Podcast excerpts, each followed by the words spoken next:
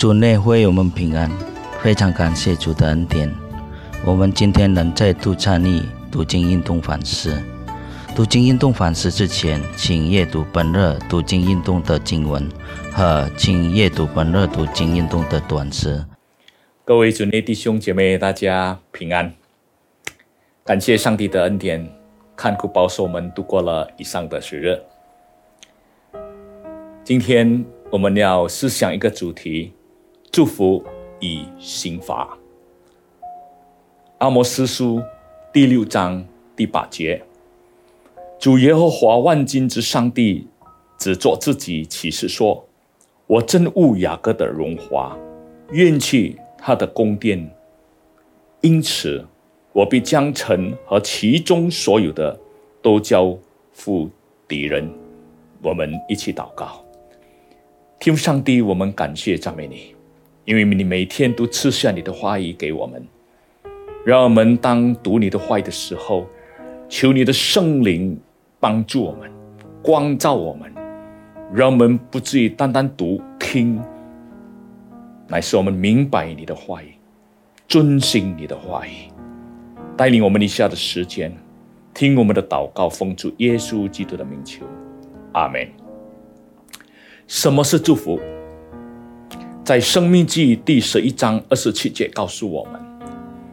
你们若听从耶和华你们上帝的诫命，就是今日所吩咐你们的，就必蒙福。这里的蒙福就是上帝的祝福。但是在第二十八节告诉我们：你们若不听从耶和华你们上帝的诫命，偏离我今日所吩咐你们的道，去侍奉你们属来所不认识的别神，就必受祸。这里就是刑罚。从上面的两节经文给我们看到，第一，祝福与刑罚是从上帝而来的。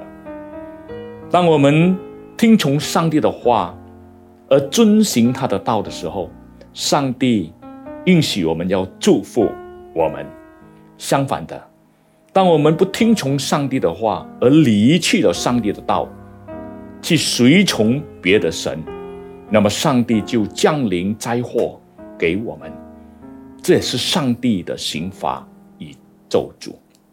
我们也看以色列人的历史，他们一而再、再而三的离弃上帝的道，随从别的神，上帝就降临刑罚给他们。当当他们悔改而归向上帝的时候，上帝就祝福他们。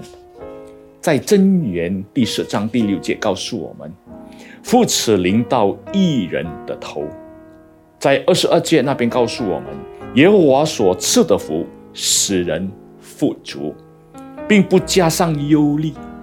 富足不一定是富有、很有钱，富足的人就是他们看他们一切所有的都能够向上帝感恩。”阿摩斯书第六章告诉我们，西安和撒玛利亚是上帝的子民，他们已经享福他们的地方，让以色列民族满有安宁、无力的生活。遗憾的就是，他们忽略了和不把上帝的刑罚当做一回事，反而把上帝所赐的地。成为犯罪的地方。另一方面，他们知道上帝赐福他们，但是另一方面呢，他们想用上帝的福在最终里面，所以上帝就刑罚他们，这是很可怕的一件事情。第二方面，不要忽略上帝的恩赐。阿摩斯书第六章告诉我们，以色列人。以为他们是上帝的子民，上帝的选民。他们以为上帝是一定会保护他们的。但是我们看，当他们国家强盛的时候，他们自以为满足，他们自以为稳若泰山，他们以为他们可以随便的做一些的事情，他们忘记了。上帝会刑罚他们。所以先知阿摩斯警告他们说：“你们有祸啦！”但他们不采先知的声音，所以上帝就刑罚他们。为什么呢？因为我们往往忽略上帝的恩赐。我们看上帝的刑罚太严重了，我们往往忽略上帝给我们的恩典，滥用上帝的祝福在我们的生活里边。因此，我们要对上帝的话要多多的学习，多多的明白。今天很多信徒，当他们用有了一切的时候，他们没有时间读经祷告，他们认为他们已经祝福了，上帝已经祝福他们，恩典足够了，但是忘记了，他们已经离弃了上帝，他们没有时间亲近上帝，他们只唯有得到上帝的祝福，但是。从来没有亲近上帝，更糟的，他们没有时间敬拜上帝，他们用很多很多的理由来拒绝上帝，他们用更多的时间去旅行，去享乐，去享受人生一切的喜乐。我们常常说，我们是上帝的儿女。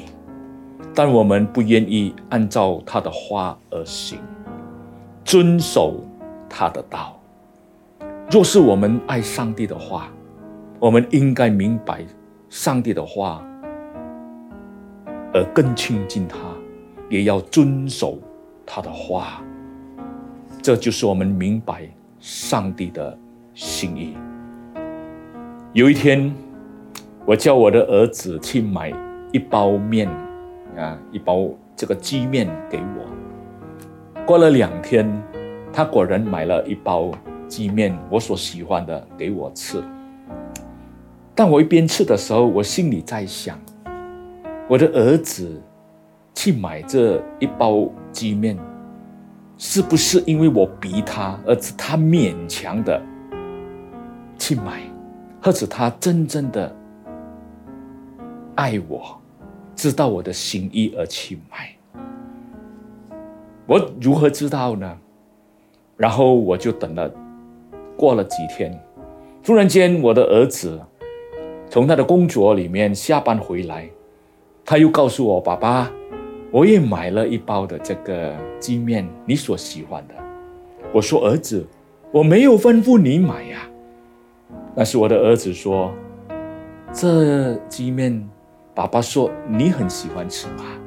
爸爸，你吃吧。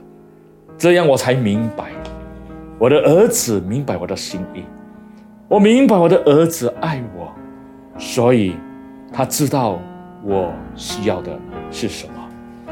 照样的，今天若是我们爱我们的上帝，上帝所吩咐的一切，我们必须要遵行，不然的话，上帝就降下刑罚。